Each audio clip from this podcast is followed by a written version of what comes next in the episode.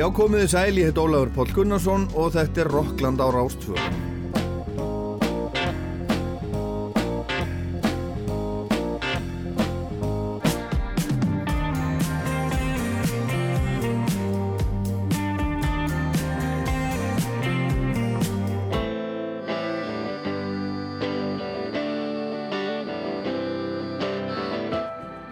Sigur Rós er málmálana í þessum þætti í dag en sveitin endar langa heims tónleikaferð í lögatarsvall næsta fastudag.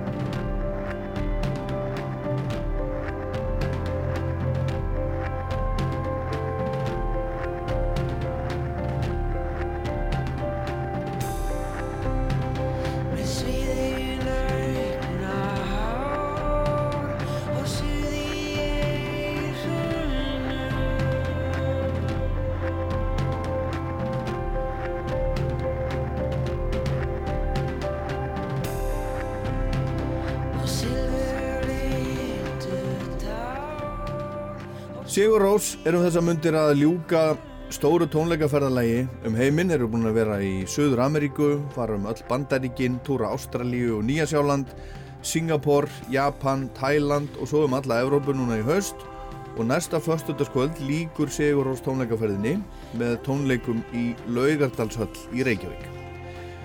Það er mjög skemmtileg grein í nýjasta tölublaði Stundarinnar sem Margret Martinsdóttir, svo frábæra blaðakona skrifar en hún sá sveitina í Amsterdam á dögunum og spjallar í greininni við e, Sigurðarsammeðlimi, Gogga og Jónsa og það hefur gengið á ýmsu hjá Sigurðars á undanföldum árum. Þeir eru búin að standa í stappi við skatta yfirvöld á Íslandi í heil átt ár, voru síknaðir í landsrétti núna fyrir rúmri viku, þar að segja þrýr af fjórum fyrrum og núverandi liðsmönnum Sigurrósar.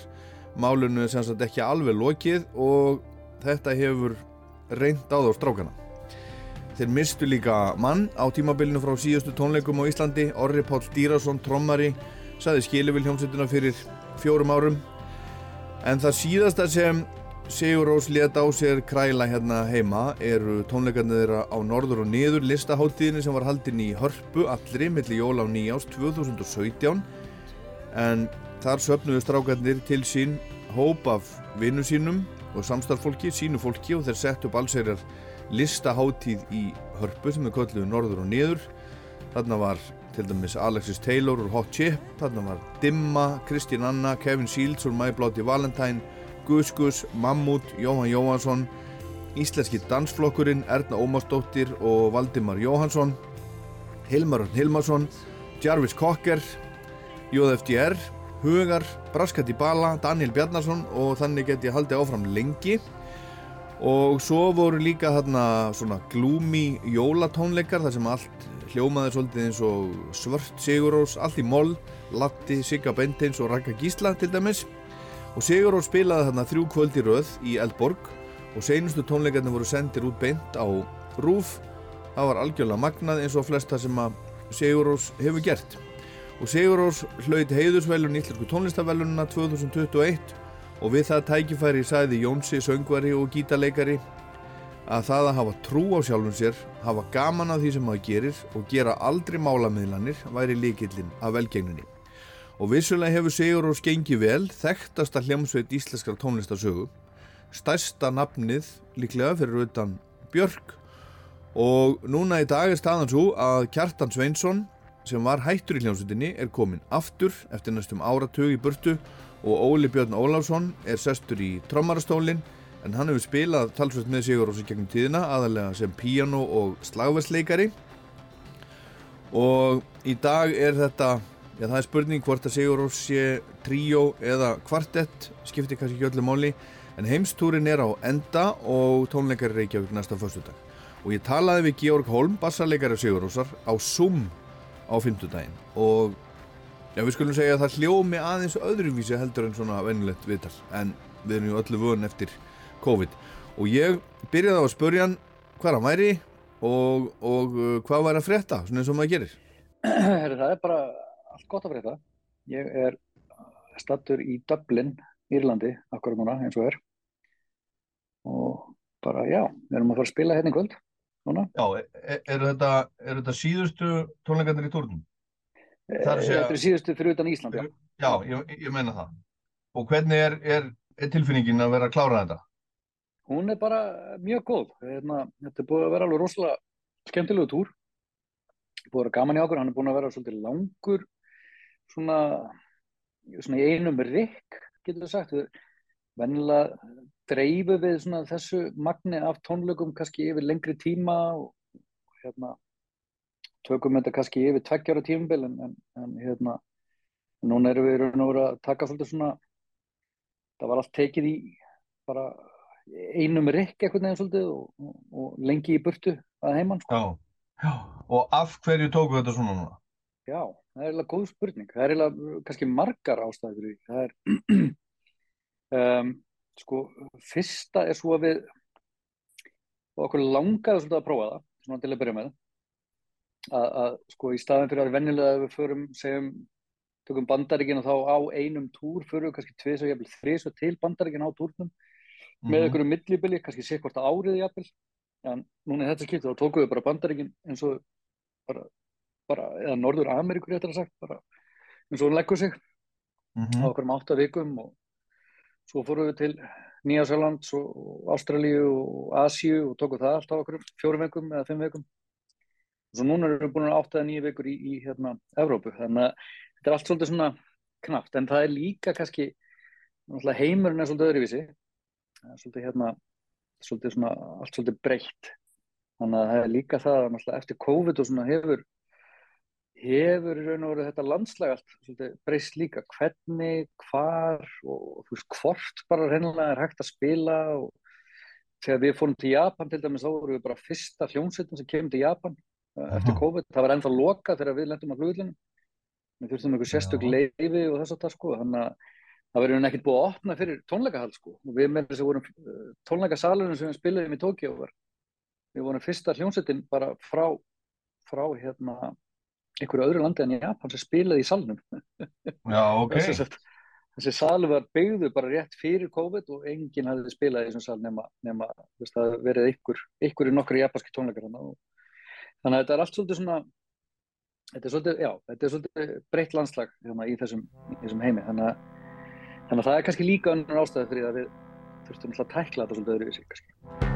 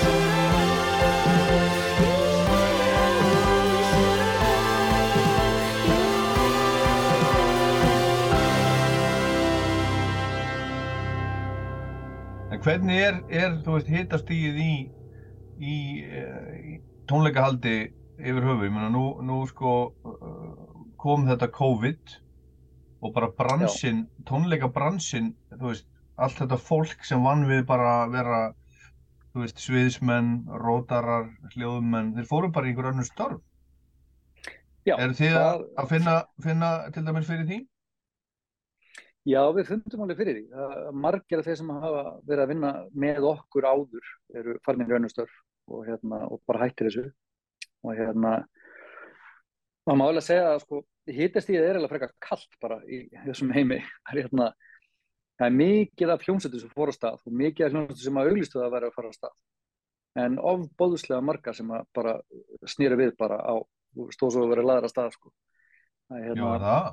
þetta er hérna þetta er, þetta er, þetta er svolítið erfiður heimur eins og staðinu núna það er hérna fólk er líka það er náttúrulega það er líka stríð í Evrópu þannig að Evrópa er kannski sérstaklega svona skrítin staða Mm þannig að hérna fólk er svolítið að halda, halda að sér og, og er ekkert mikið kannski maður fann þetta sérstaklega eins og í Þýskalandi að þar vor, var fólk ekki ekkert endilega tilbúið að fara á tónleika bara yfir höfuð sko.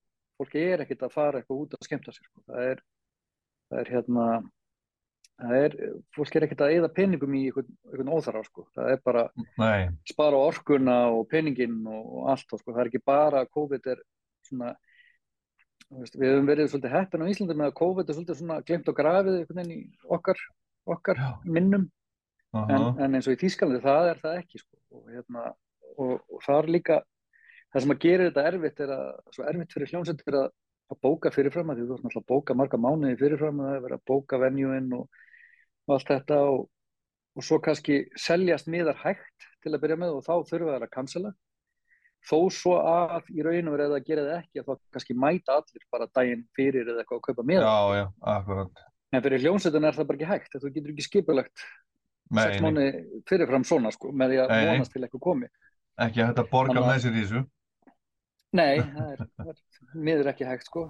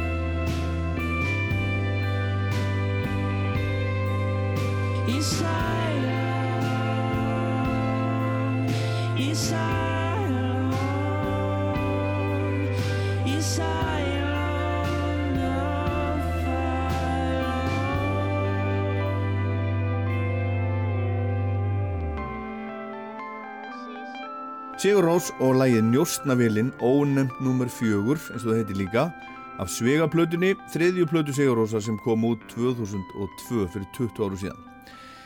Georg Holm, bassarleikari Sigur Rósar, er gestur Rocklands í dag. Við töluðum saman á Zoom á fymtudaginn, hann var í Dublin og ég heima á Akranesi.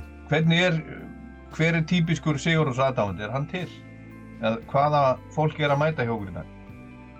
Já, góð spurning. Ég er endar, hérna, þetta er eiginlega, það hefur tekið eftir því svolítið á, á þessum túr, hvað hérna, eiginlega sérstaklega mikið á þessum, þessum túri hjá okkur, hvað það er opaslega fjölbreytt, fólk sem að mæta á tónleika hjá okkur, það er hérna, eða svona fjölbreyttur hópur, menna ég, sko, það er hérna, það er einhvern veginn, það er rosa erfitt að, að- benda á einhvern og segja að þetta sé mjög típiskur Mm. Sigurósar, hérna, hlustandi, en, en hérna, að því að maður hefur tekið eftir sko, veist, bara núna við vorum að spila í Edinborg núna í fyrradag.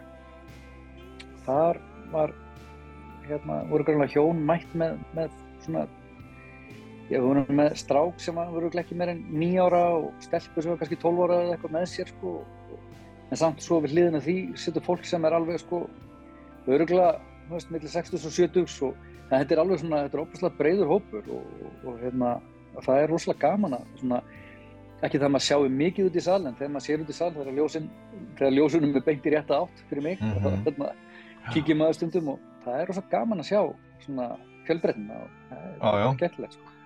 Svo sá ég, ég man ekki hver ég sá það, ég sá haft eftir einhverjum, einhverjum sem sá okkur einhvern tíma núna nýlega, sem sagði It's not a concert, it's a therapy. Já, ég, ég hef heyrt svona kannski svipað aður að fólk lappar út alveg bara hérna, í skíunum og, og, og, og, svo oft sérstaklega hérna, fólk sem hefur ekki farið á tónleika með okkur áður. já, Það lappar oft út og svo heyrir maður að segja sko, ég, veist, bara, ég bjóst ekkert við þessu. nei, nei, hérna- einmitt, þetta er, þetta er galdur, Já. Þið er- að búa til gaman einhver- að heyra þetta sko. einhvern galdur. Nákvæmlega, sko. það er hérna, ég, ég veit ekki hvernig við förum að því, ég, ef, ég vissi það myndi ég setja það á flöskur og selja það, en, Já, já, en, hérna, en, en hérna, þetta er, það er rosa gaman að fá þetta feedback og heyri fólki sem að, þú veist, hefur gaman að þessu. Þú veist, hérna, ég, að því að náttúrulega tónlistan okkar, hún skila sér einhvern veginn allt öðruvísi á tónleikum heldur, heldur en uh, á plötum. Svo náttúrulega, náttúrulega erum við búin að vera starfandi svolítið lengi, þannig að það er svolítið svona mikið úr að velja á lögum og svona og það getur verið svolítið svona, getur verið svolítið misjátt til tónleikaferðalagi, hvað, hvað þú færð sko. Þannig að getur alls konar bland í póka, þannig að sumir bara búast við einhverju endalísu hoppipotla en fá svo eitthvað allt annað. já.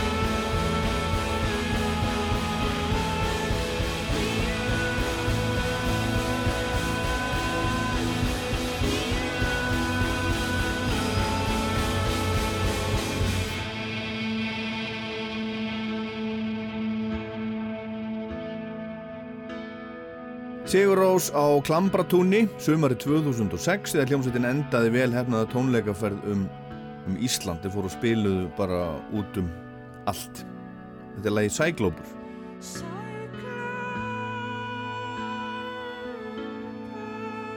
Eru þið vísvitandi einhvern veginn að sneiða hjá vinsælustu lögun?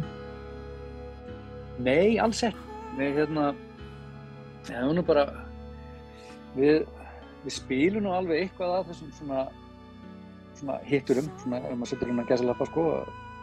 En það er mörg af þessum lögum samt eru sko, svona lög, ég get bara, ef maður bara tala bara svona hreint út sko, þá lögur svo hoppiball hefur alltaf verið erfitt að framkama á tónlögum. Það einhvern veginn hefur aldrei, eða ok- okkur finnst allavega, það einhvern veginn aldrei hafa skila sér almennilega sem, sem einhvers konar Er tónleikalag.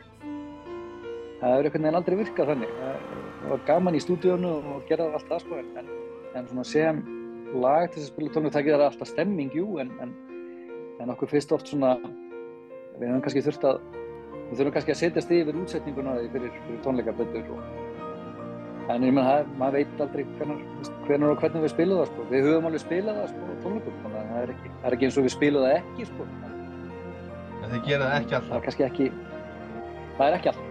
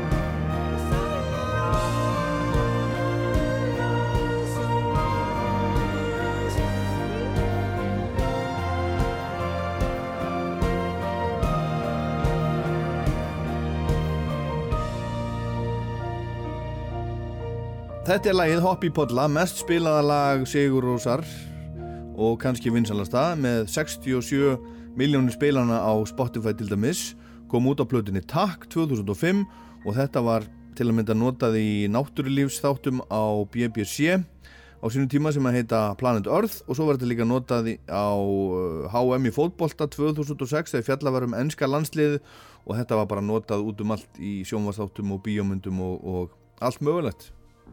Þeir að spila svolítið lengur heldur en það hafið, verið að gera hingað til ekki satt. Þetta er alveg þrýr tímar pluss og hlið, það hefur aldrei verið. Já, sko, við reyndar á, síðasta tónleikaferðilega sem var 2016-17, þá reyndar, þá vorum við reyndar með hlýja. Hérna, Ekki á það Íslandi. var reyndar styttri, var það ekki? Nei, kannski ekki. Uh, jú, jú, jú, jú, það var hlýja í, í hörpu, sko. Nú var það? Já, það var hlýja, sko, já. Og hérna, uh, ástæðan fyrir því reyndar var aðalega svo að við breyttum, sko, breyttum svolítið um gýr en líka, sko, breyttum við sviðsmyndin. um, fyrir svona hluta 1 og hluta 2. Uh, það er endar núna líka og, og við breytum sviðsmyndinni líka núna og, og þetta hefur enda verið sko að svona hefðu alveg jafnvel geta verið sko fleiri partar í þessu áður en við lögum að stað. Við vorum með alls konar pælingar en það má kannski segja að ástæðan fyrir þetta svona langt er að, þegar við settumst niður og byrjum að spila og, við, sagt, og líka við settumst niður í sikkur hotni og fórum að skrifa niður sko hvaða lög var nú gaman að taka þá kom að vera svolítið svona uh, bara já bara hérna svona hugrekkir og skrifa niður bara heru, veist, þetta lag, við höfum aldrei tekið þetta bara við höfum aldrei spilað þetta lag bara er nú gaman að sjá hvernig það kemur út og, og, og Mhm. svoleiðis og við endum einhvern lista upp á tæplega 70 lög og hérna sem að sjálfsögur alltaf mikið sko. og hérna og svo fórum við að vinsa úr þessu og spila í gegnum öll þessi lög og, og við enduðum með slattalögum uh, sem að hérna, við vorum rosalega ánæði með og hérna sem að einhvern veginn skiluðu sér vel uh, svona fyrir okkur fjóra bara Mhm. hérna, og, og, og þau sagt, eru í raun og veru flest bara í settinu við höfum aðeins verið að taka út og setja inn og svona aðeins hreift við listanum aðeins sko, en okkur finnst þau vera komnar á frekar góðan stað með, með hvernig, hvernig svona Já. settið er sko. og, hérna, og þetta endaði náttúrulega bara með því að vera já, svona í kringu þryggjutíma program þannig að Mm. það var svolítið óvart en, en, en, en það virðist eins og fólki finnst það ekki oflangt þetta er alveg langt sko Já, en er ekkert erfitt að, að sko, ég er er mjög svona blendnar tilfinningar fyrir svona hlje. já, Er það ekkert svona anti-climax eitthvað? Rosa fílingur, svo jæja, drekkutími. já sko svona ein af ein af ástæðunum fyrir því að það er hlýja og, og svo leiðis er að, að þegar við fórum að stað með þetta tónleikaferðilega þá var það að hugsa sem sko uh, að hugsa sem tónleika fyrir sko svona theaters þú veist, sem er allir sitjandi og, og það eru sko það er bara hefð fyrir því að sé hlýja hvort sem það er leikúsýning eða tónleikar og hérna og þannig var þetta sett upp og er bara selt sko sem Mhm. var hann selt þannig, við getum orðað þannig. Eh, En svo reyndar, svo, þegar við komum til Evrópu þá, þá breytti svona aðeins svona salirnir og svona þeir, það er svolítið líka þetta er kannski eitthvað sem við hefum átt að þurftum kannski að hugsa fyrirfram en, en, en sko tónleikasalir í, í Norður Ameríku og Evrópu eru bara ekki eins. Það er ekki frambúðið af vissum típum af sölum er bara allt öðruvísi. Það er í bandaríkinu er spilað í svona þíetarsal sem er fyrir tíðus manns. Það er alveg hægt. Í Evrópu þá er þetta bara ekki til.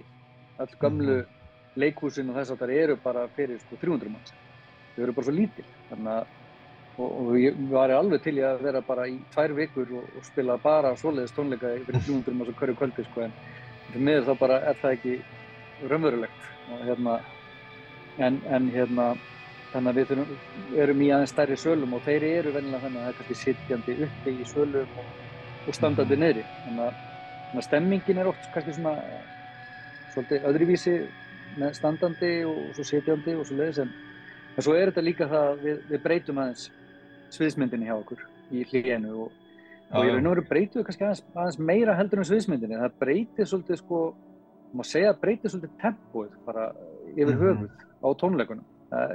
Það verður smá svona, það, já, það, þetta eru næstu eins og tönni tónleik, er þetta að segja. Akkurat.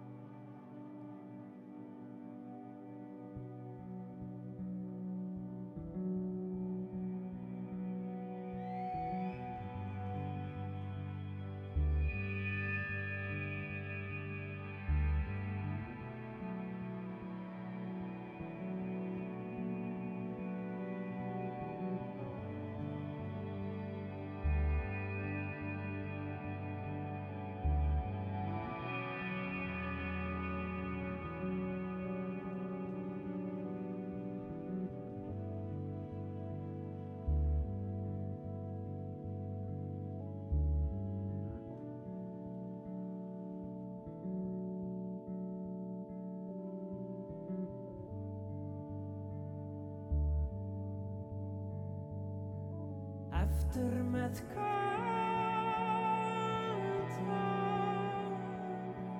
í kæftinu sem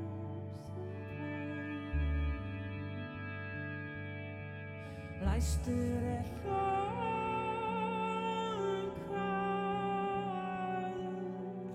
inn í búr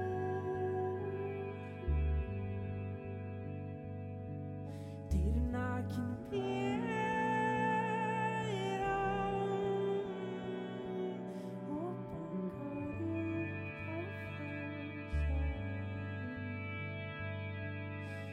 太明显。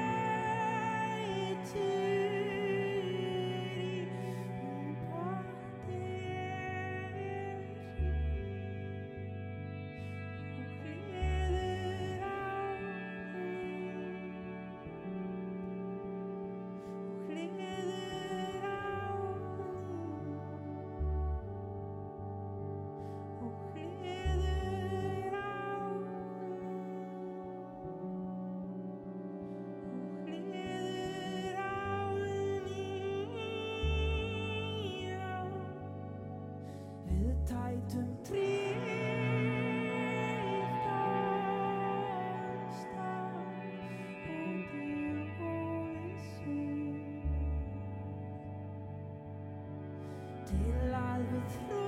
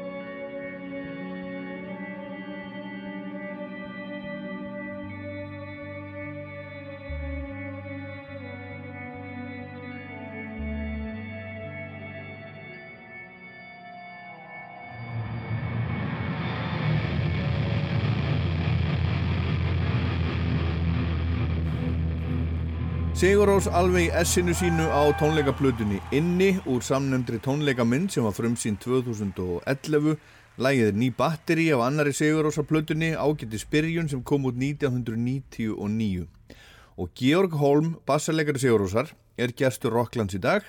Hann var í Dublin þegar við töl- töluðum saman og það var stutt í tónleika þegar við spjöldluðum saman á Zoom á fimmtudaginn Ég sá, ég sá greinina sem að Margaret Martinsdóttir skrifaði í Stundina þar sem hún Já. einhvern daginn í, í Amsterdam og, og hún, hún fer þar aðeins í gegnum prógrammið og segir að það hafi spilað til dæmis bara eitt lag af síðustu plötu, Quake er það, er það hérna hún, svo plata er, hún er svolítið svona allavega eins og ég sé hana, hún er hún sker sér svolítið úr, hún er miklu einhvern veginn svona, miklu meiri svona, svona myrkur þar heldur hún á öllum hinnum meira rock einhvern veginn, svona meiri svona ruddalegri plata er, er það mm. svona vísvitandi að, að, að gert að spila ekkert af henni nema, nema bara eitt lag er þið komnir út ég- úr myrkrinu er þið komnir út úr myrkrinu Georg Já, já. Jú, það má kannski segja að við séum kannski byrjum komið út úr myrkrinu. Það er alveg rétt, sko. En hérna, en ég veit nú ekki, við, við æfðum nú alveg fleiri lög, sko. Og hérna, við erum alltaf með eitt svona annað lag af kveik í bókahotninu sem við erum svona alveg æft. En það má kannski líka segja að svo plata var, hérna, þegar við fórum með hana á tónleikaferðilega, þá var, notuðum við mikið af það er svo mikið að auka hljóðum og þess að það sem að koma fram og, og hérna ég notuðu svolítið mikið af samplerum og, og svo leiði sem að fara af stað í læginu og, og þannig. Og við vorum svolítið að reyna að forðast allt svoleiðis að þessum túr. Já, Eh, að eru þið bara fjórir á að- sviðinu? Við erum bara fjórir og, og við notum reyndar tölvu til að stýra einhverjum hljóðum sem koma ekki úr venjulegum hljóðfærum. Þannig að en þau eru samt spiluð á sviðin þannig að það er veru það er allt spilað. Þannig að við hérna það var eiginlega svolítið svona hérna má segja hérna svolítið svona ákvörðum sem við tókum áður en við fórum að stað. Og það var að hérna eh, svona að fara tilbaka svolítið í rætunar Já, að, back hérna, to basics. Að, svolítið sko og, og bara allt sem að gera þetta sviðinu, allt sem að heyrir koma af sviðinu kemur einhverstað frá okkur sko hvað sem að hljóðið komið teknilega svo tölvið þá er það samt spilað Mhm. á fingur á, á sviðinu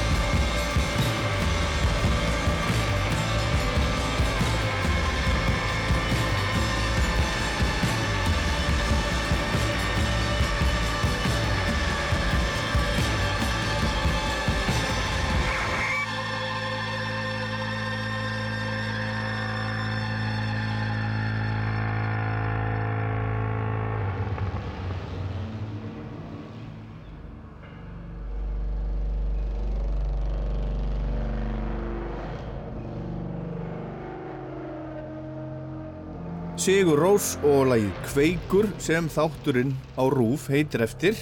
Og þetta er jáfnframt titilagið þið þekkið þetta. Dögt og drungarlegt og svart. Höldum áfram með Sigur Rós í Rocklandi hérna rétt og eftir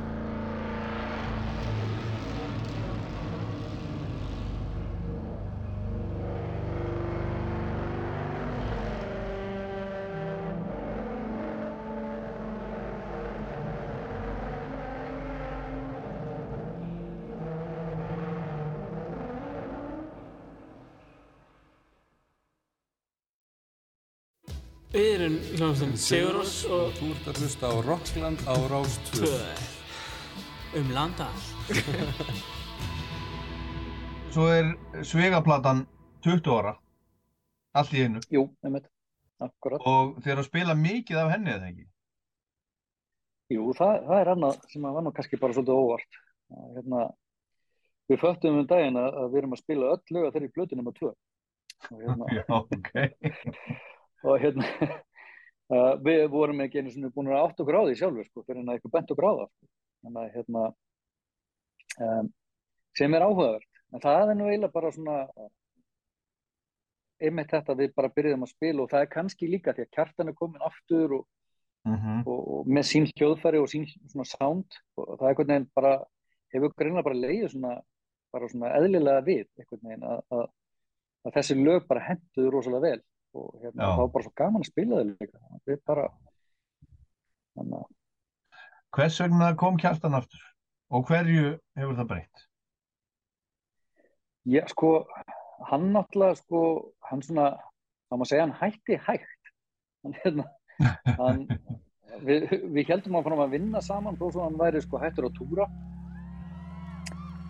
og unnum alveg plötu sko saman þó svo hann sagði að hann ætlaði nú ekki að fara eitthvað að ferast um heiminn og að spila eitthvað svona og, sem við gerðum svo og, þannig að og svo hætti hann bara svona alveg uh, þannig að ég veit ekki, kannski var þetta bara svolítið svona svolítið lau- lausleg hérna ákvörðun hjá hann, ég veit það ekki. Að Lauslegt var bara, þú veist, lauslegt hætt einhvern veginn og, og það bara, þetta var einhvern veginn bara perfect timing sko við hérna svo var hann nú eitthvað í, í LA eitthvað tjóðan núna um daginn sko og hérna hitti Jóns að þar heima hjá honum og var eitthvað að gista hjá honum og, og þeir byrjuðu eitthvað að glamra saman og það kom eitthvað skemmtilegt úr því eitthvað, eitthvað demo og, og svo höfðu samband um mig og svo fórum við eitthvað að leggja okkur og svo, þannig að við allt í erum bara byrjaðir á okkur nýju sko. þannig, að, hérna, Já, þannig að þetta var einhvern veginn jafn lúmst hvernig hann hætti og hann kom aftur inn í hljónstunum að segja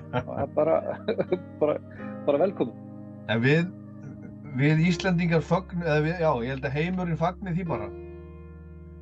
Allir, Ég allir, það allir, að, allir aðdáendur Sigur Rósar.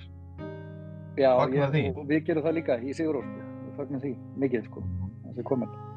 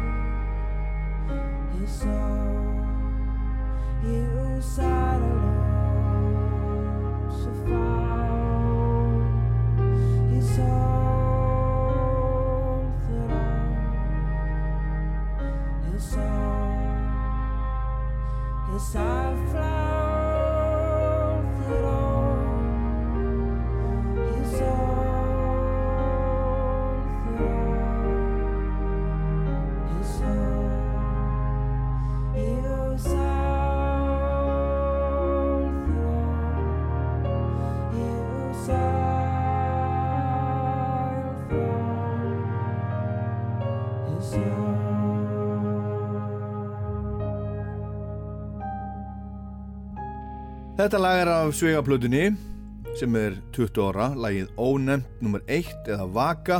Þetta er upptaka úr lögatarsvöllinni, upptaka Rása 2 og lögatarsvöll frá Ervefs 2012. En svo er, svo er þið með annan eh, nýjan trommar sem er náttúrulega ekki samt nýr, hann hefur náttúrulega túrað heilmikið með okkur, þá sem píónleikar það ekki. Uh, Óli jú, hann túraði með okkur sem, sem hérna hann Óli Björn, hann Óbó, hann hefur túrað með okkur hérna sem, uh, hann túraði hann með okkur 2012-13 eða maður rétt, sem hérna, þá var hann aðalega á píano og, og svolítið slagverk og svo leiðis. Svo túraði hann reynda með, með hérna Jónsa líka þegar hann fór á sem solo túr, Mm uh, þá ef ég maður rétt að var hann aðalega á píano þar.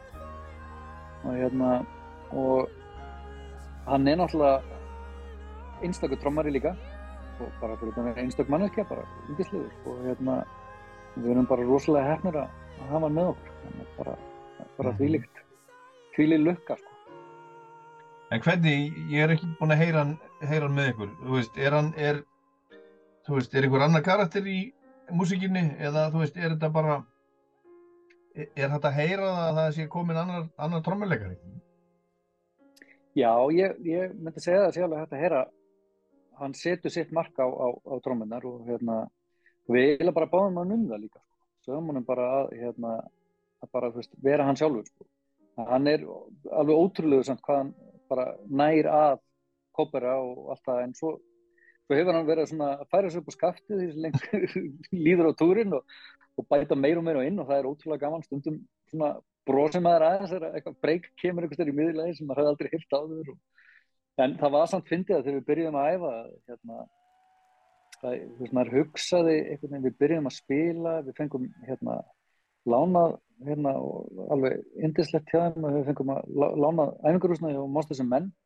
Og vorum að æfa þar og hérna og, og sem sagt bara fyrstu æfinguna byrjuðum við að spila og hérna og ég einhvern veginn náttúrulega, þú veist, bassalegar og trommulegar hafa náttúrulega eitthvað svona sérstætt samband og, og ég einhvern veginn bara að pæla í því að, að, að Óli Björn var alltaf á trommunum sko. ég var einhvern veginn að hugsa um allt annað ég var bara að pæla í, þú veist, já, muna mína nótur og eitthvað sko. en, þú veist, glimt alveg að hugsa út í þegar það var annar að tromma sko. en, en, en hann bara, þú veist, ég hann spilaði þetta bara svo vel að, að, að hérna, hann var miklu betri en ég sko, í okkar lögum hérna, þannig að þetta var bara, bara ótrúlegt sko. og svo hefur hann að svona, einmitt, eins og ég segi, bæta aðeins í og, svona, setja sitt mark á þetta sem er alveg geggjað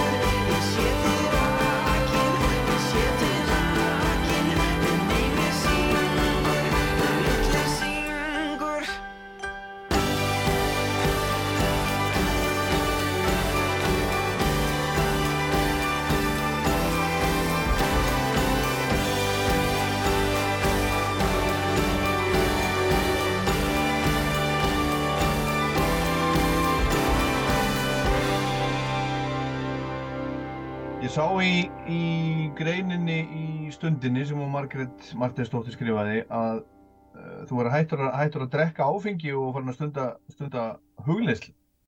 Segist það var Já. kveikt á perunni. Já, já Var Bakkus eitthvað, eitthvað, eitthvað að þvæ- þvælast fyrir þér? Já, ég, það má segja að ég hef verið með slögt á ljósinu alveg í, í ykkur ár sko. og hérna og, og hérna, já, ba, jú, þetta er náttúrulega svo, kannski svolítið típist svona fyrir fyrir svona hljómsveita lið eins og mig og svona rockara, ef maður má segja hérna, það er veginn, það er mikið um frítíma og uh, jafnvel á tónleikaferðilega er oft frítími, þó svo sé nú ekki alltaf en, en hérna, þá geta, geta myndast göt og svona og og og auðvöldasta leiðin er bara að opna sér bjóri eða rauðvinni eða eitthvað sko og hérna, svo það maður er heima hjá sér þá er maður ekkert að gera. Og maður bara sittur maður bara og gerir bara eitthvað heimilistótt og, og, og hérna, sem er svo sem alveg full time job, lík, lík fín ekki. En hérna, jú, ég hérna, ég ákvað fyrir núna tæplega tveimur árum að setja bara tappan í flöskuna og, og hérna, og, og bara ákvað að vera ekkert að, að hérna eitthvað að fara í fela með það eða neitt sko. Og hérna ákvað líka bara að að fá bara hjálp við það sem ég sé bara ekki eftir og hérna eh, bara það er bara hver dagur Er, er, að meina bara á, áfengis meðferð bara inn á vog? ég, já, ég fór bara í áfengis meðferð og, og hérna, ég fór bara inn á VOG og svo dagdeldina hjá S.O.A. og, og, og svo er ég bara búin að stunda AA síðan og vegnast það fullt af góðum vinnum og þetta bara, bara þetta allt saman hefur bara verið ótrúlegt, ótrúlegt ferðalag sem að hérna, sem að er bara skemmtilega með hverjum degi og hérna og bara, mér finnst einhvern veginn mér finnst bara eiginlega svolítið mikilvægt að, að hérna frekar að tala um það heldur en að eitthvað að fara í fela með það því að mér finnst þetta eitthvað sem að uh, mér finnst þetta svona hluti sem að mér finnst að eigi að ræða um. Þetta er eitthvað sem að ábara verið upp á yfirborði og veist, það er fullt af fólki sem að er í vafa fullt af fólki sem er einmitt að hugsa veist, drekki kannski aðeins svo mikið eða veist, eitthvað svona og, og veist, sem að ég held að flestir geri.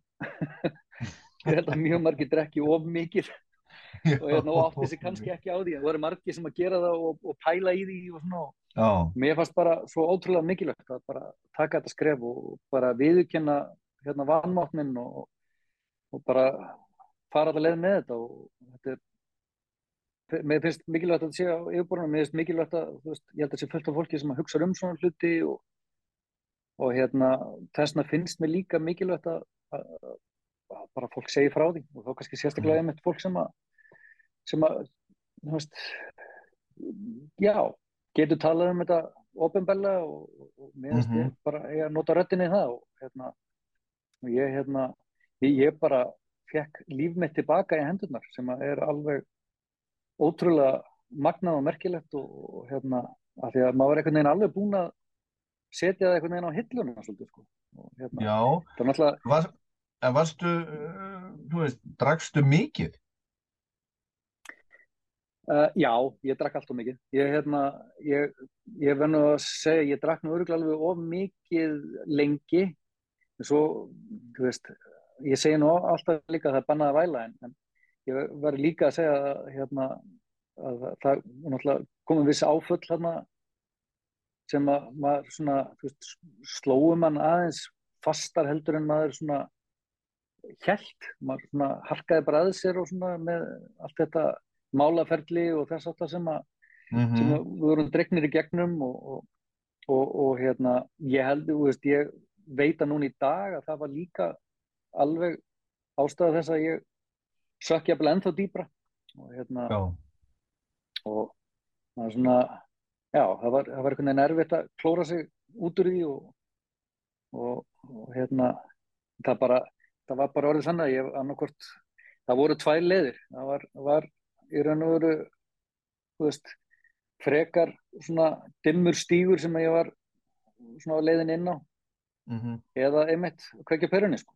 Og hérna og þannig að það þetta, var eiginlega svona með hjálp fjölskyldu minnar og konuna minnar og þá og samkvæmdar og þá hérna bara að segja það, það voru tveir einhvern veginn möguleikar einhvern veginn hjá mér og fyrir þessu tepin tveimur ára síðan. Það var veginn, þetta var orðið svona að fara annarkvort þennan þennan dimma veg sem að svona, ég var svona eitthvað að líta niður og, og, og var byrjaðar að velta einhvern veginn og, og, hérna, og svo með svona með hjálp konuna minnar sem að já, hún er svangviti að þá hérna, bentum við bara á kannski, kannski er þetta bara er þetta kannski bara orðin eitthvað vitleisa hérna, skilju og, og, og ég hérna ég hugsaði bara, jú, ég held að það sé bara rétt að bara við tókum þessa ákvörðun og sem sagt, hún hjálpaði mér bara alla leið sko og hérna ég ákvað bara að stíga skrefið og bara hérna tjekka mig inn Mhm. Þetta er nefnilega alls ekki að tjekka sig út þetta er alveg einmitt að tjekka sig inn já, hérna- en hvernig, en hvernig er að vera, þú og veist, ég er bara að tjekka þér inn en hvernig er að vera, þú veist, rockstar að túrum heiminn og, og bara drekka te? það er nefnilega alveg hreint magnað sko. það er, ég, hérna ég veit ekki alveg hvort ég gæti verið að gera þetta ef ég væri eins og ég var orðin held ég sko. mér líður bara svo miklu betur og þetta er svo miklu skemmtilegur allt bara hverju kvöldi er mun skemmtilegur að fara upp á svið og svo er te líka bara miklu betra Já.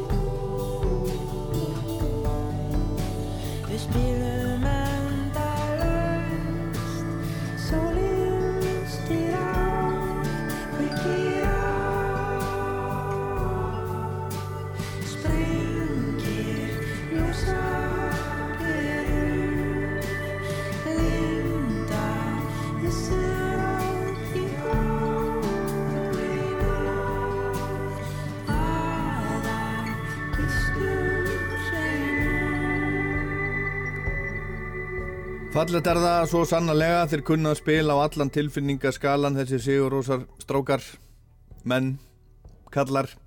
Þetta lag heitir Góðan daginn og kom út á blöðinu með söði í eirum við spilum endalust. Herðu, en, en núna þú varst, varst kom svona aðeins þetta, það er náttúrulega þetta, þetta, þetta skatta, skattabras allt saman sem að þið eru búin að vera í núna í mörg ár. Það var að klárast bara núna í síðustu viku fyrir þar að segja þrjá af ykkur fjórum. Hvern, nú, er, nú er Jónsi fluttur, eða hann býr í Los Angeles, allir þið að, að vera áfram á Íslandi? Eða eru þið leiður, leiður á Íslandi? Eru þið ósáttir? Já, nei, ég er að menna, sko, niðurstaðan á endanum var nákvæmlega svo sem við vissum allan tíman og við, við erum ekki neini glæpamenn. Um, þannig að ég myndi segja að það er augljóst að kerfið hefur einhvern veginn sko bæði rámt fyrir sér og rétt fyrir sér. Það er rámt fyrir sér að, að, draga mann í gegnum þetta svað og svona lengi. Það er alveg ótrúlega að það umgangast bara í, í réttakerfi í, í siðmentu ríki að að geta Já. dreina svona lengi í svona máli og veist, þetta er, þetta er ekkit, ekkit lítil áhrif sem það hefur á, á, á mann sjálfan og fjölskyldum hans. Nei, átt ára eða ekki? En við sigruðum þetta, þetta er ykkur átta ár sko, hérna, en við sigruðum þetta á endanum, þannig að það er augljóst að, að, að, að, að kerfið er réttlátt þó svo að, þó svo að hérna, það kannski sé ekki réttlátt að, að draga mann svona lengi veginn í, í gegnum drulluboll, en, en við bara vonum að, að, að, að hérna, að þetta klárist nú bara fljótlega með hérna, Jónsamál líka og hérna, en, en ég persónulega ætla nú ekkert að flytja neitt frá Íslandi í bráð sko. Ég get ekki sagt að ég sé sáttu við hvernig kerfið kom fram við mann og, og, og hvernig þetta var en ég veit að Íslendingar voru heldur ekkert rosalega sátt við það. Það, Hérna, Nei. það á öllum sem ég hitt allavega út á götu að það fannst öllum þetta vera algjör vitleysa og svo hef ég hitt fullt, af fólki sem hefur lent í svipuðum aðstæðum sem, að, sem að hefur jafnvel sko, kannski ekki haft aðstöðum til þess að berjast og það er svolítið skrítið að, að þú veist, ef þú hefur ekki þú veist, við, við megum ekki breytast í bandaríkin að, með þetta að þú getur ekki varðið nema þú hafir kraftana og, og fjármagnið í það, það er fáránlegt Mhm. þú veist, en, en hérna en við hérna vonum bara að þetta sé bara í raun og veru bara fordæmis gefandi og ég vona bara að þetta sé sko það séu færri sem að þurfa að vera dregnir í gegnum þetta, þetta þennan viðbjöðu sem við vorum dregnir ég óska þessu bara á engan bara ekki, veist, ekki þegar ég einin óvinni en ekki minn versta óvinn sko já, já. Herðu, Georg, við skulum ekki, við skulum ekki eigða meir, meiri tíma. Nú er, nú er, þú, þú ert í Dublin, það er einn og hálfur tími í gig. Nú er bara, er bara stuð, síðasta giggi á tórnum fyrir utan Ísland. Ég segi bara takk fyrir spjallið, kærlega. Vel. Hlakka til að sjá okkur inn í Lögatarsvöll. Eh, Bara, bara eftir viku. Og, og hérna, ja, tæpa viku á föstudaginn næsta. Takk fyrir kærlega og, og góða skemmtun. Við helsa innum. Takk kærlega fyrir Kæra þakkir. Takk. Já. Og svona kveðjum við Sigurós í byli ekki með poplæginu sem að þeir enda yfirleitt alla sína tónleika á með rosalegu dundri heldur með læginu Sveppgenglar eða Sveppgenglar sem ég held að þeir muni spila í lögatarsöllinni næsta föstudagskvöld Þetta kom upphaflega út á ágættu spyrjun 1999 en þessi upptaka er frá Ervefs 2012 einmitt í lögatarsöll. En við þetta er svo því að bæta sem hann glinda segja mig frá hann Georg að þeir eru ekki að spila bara fjórir í lögatarsöllinni, þeir verða með uh, Amínu, uh, strengjasveitinni Amínu, eða hún verður í formi strengjasveitar þarna með þeim, og Braskat í Bala verður með þeim líka, brassbandi sem að fór með þeim út um allan heim á svona tíma.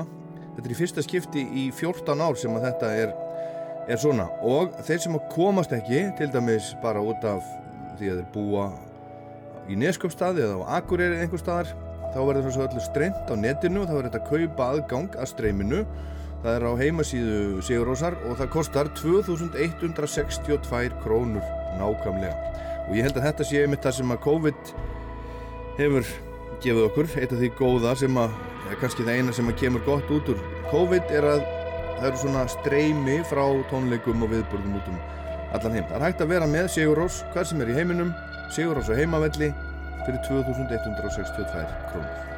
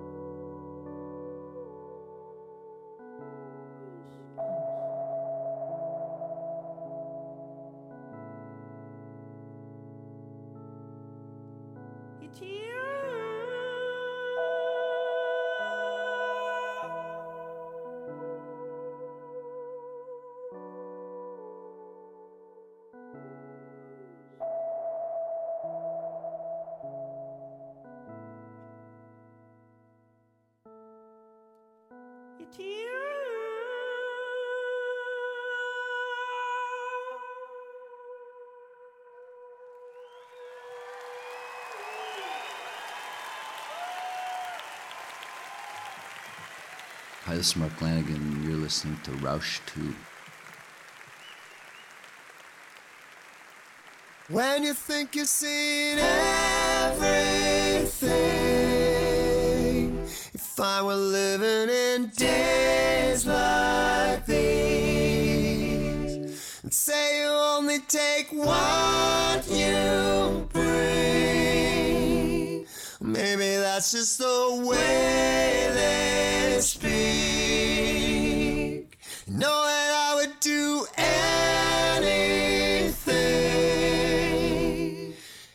something that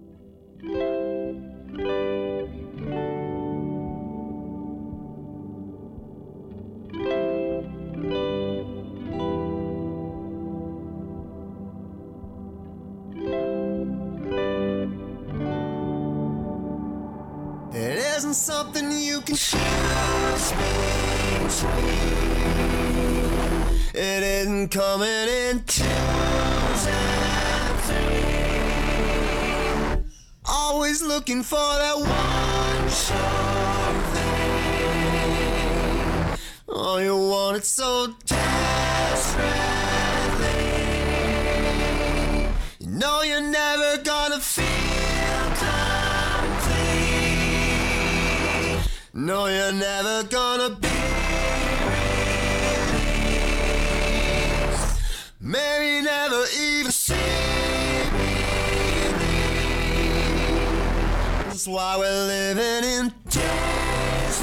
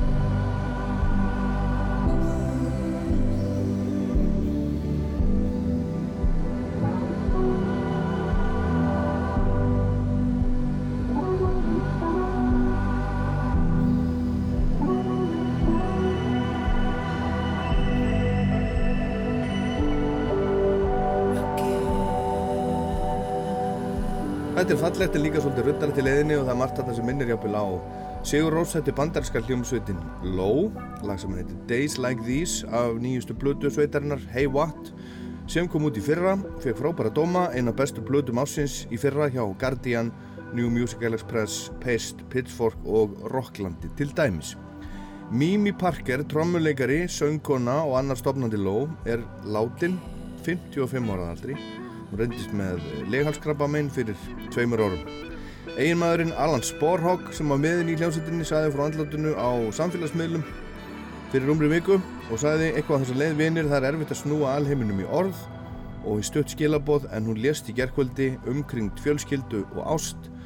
Þar á meðal var ykkar ást, haldið nafninu á lofti, deildu þessari stund með einhverju sem þarnast þín. Ástin er svo sannarlega það mikilvægasta, skrifaði Alan Sporhawk, eiginmaðurinn, á Twitter. En þessi hljómsveit var stopnuð árið 1993 og Ló kom nokkur sinnum til Íslands, líklega þrísvarsinnum auk þegar sem Alan Sporhawk kom einu sinni einn.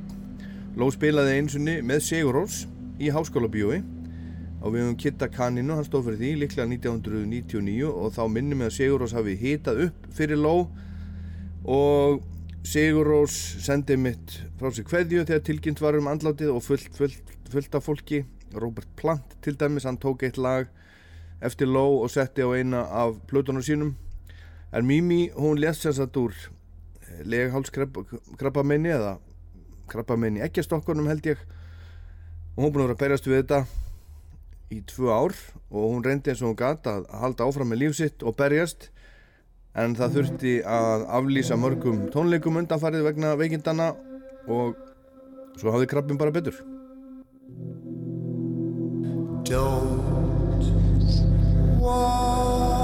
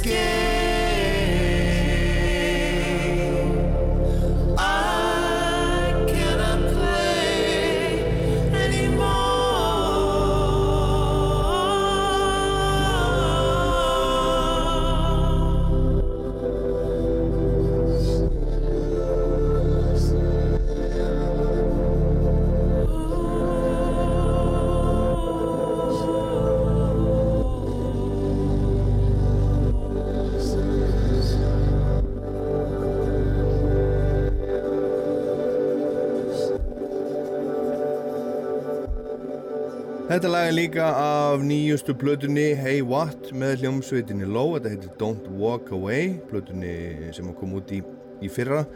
Og þessi hljómsveit þegar hún kom fram þarna upp úr 1990 þá var þetta kallað slowcore. Það var einhver sem kom með það hugtak á þessa músík. Þar var allt í alls konar grunns og hardcore og, og svona og þetta var kallað slowcore vegna þetta var svona hægt og segfljótandi. Einhver sagði að músíkin væri svona eins og blanda er líst henni sem blöndu af Joy Division og Simon og Garfunkel. Og þetta er yfirleitt svona fallegt, lástemt þau koma frá Duluth í Minnesota. Voru hjón, mormónar hinnir og þessir menn sem að spiluðu með þeim. Allt kallarheldir sem að spiluðu með þeim á bassa, ég heldur að það verið 5 eða 6 mættu allir í jarðaföruna hjá Mimi sem að var flott, ótrúlega falleg uh, rödd sem var með falleg sönguna og hún var líka frábært trommari svona mínimalískur trommari, hún stóð við trömmurnar eins og Mo Tucker úr Velvet Underground og trommaði og söng með. Og þau gáfu út uh, jólaplötu fyrir nokkrum árum sem heitir bara Low Christmas. Þetta er svona EP-plata, í rauninni bara örglega einhvers konar demo sem þau tóku upp en þetta vakti aðtikli á hljómsveitinu út um allan heim og það er til dæmis lag af þessari plötu sem hefur spilað svolítið mikið hérna á Rás 2 sem heitir Just Like Christmas. Og spilnum það bráðum. En það er líka að finna á eða ég fekk að setja það á Rockland mælir, nei Rockland, Jóli Rocklandi aðra plötuna sem að koma út fyrir einhverjum tíu árum rúmum, eitthvað svona leys Jóli Rocklandi sem að sena gaf út af svonum tíma. En þau komu hingað nokkur sinnum, þau kom og spiluðu þetta með Sigurós, þau spiluðu einu sinni á Altumorus Partís í Reykjanesbæ og svo spiluðu einu sinni á NASA 2008 með hljómsveitinni Skakkamanna G sem að uh, hann var Ian Prince Polo, Svavar Prince Polo. Þeir tónleikar voru teknir upp fyrir Rás 2 og þeir eru til geimtir í safninu. Og Alan Sporhawk hann kom líka hérna einhver tíman fyrir svona rúmam áratug líka á vegum fyrirtæki sem að hétt Tími, það voru Biggie Moise, Körver Tórótsen og Alison McNeil úr Kimono. Spilaði þá í listasafninu og var bara vel hefnað ef ég mann rétt. En ég ætla að enda þetta Rockland á því að minnast Mimi Parker og heyra lagið Sunflower frá NASA í Reykjavík frá því april 2008 ég er Ólaður Pál Gunnarsson minni á Rockland mæli með lagalistan á Spotify alltaf og svo er Rockland podcast, það er til einhver staðar, þeir eru nú búin að taka það út á Spotify en það er í, í öðrum svona hlaðvarsveitum hef ég séð og svo er þetta alltaf bara á rú.is og í rú-spilaranum en takk fyrir í dag, ég heit Ólaður Páll þetta var Rockland, takk fyrir að hlusta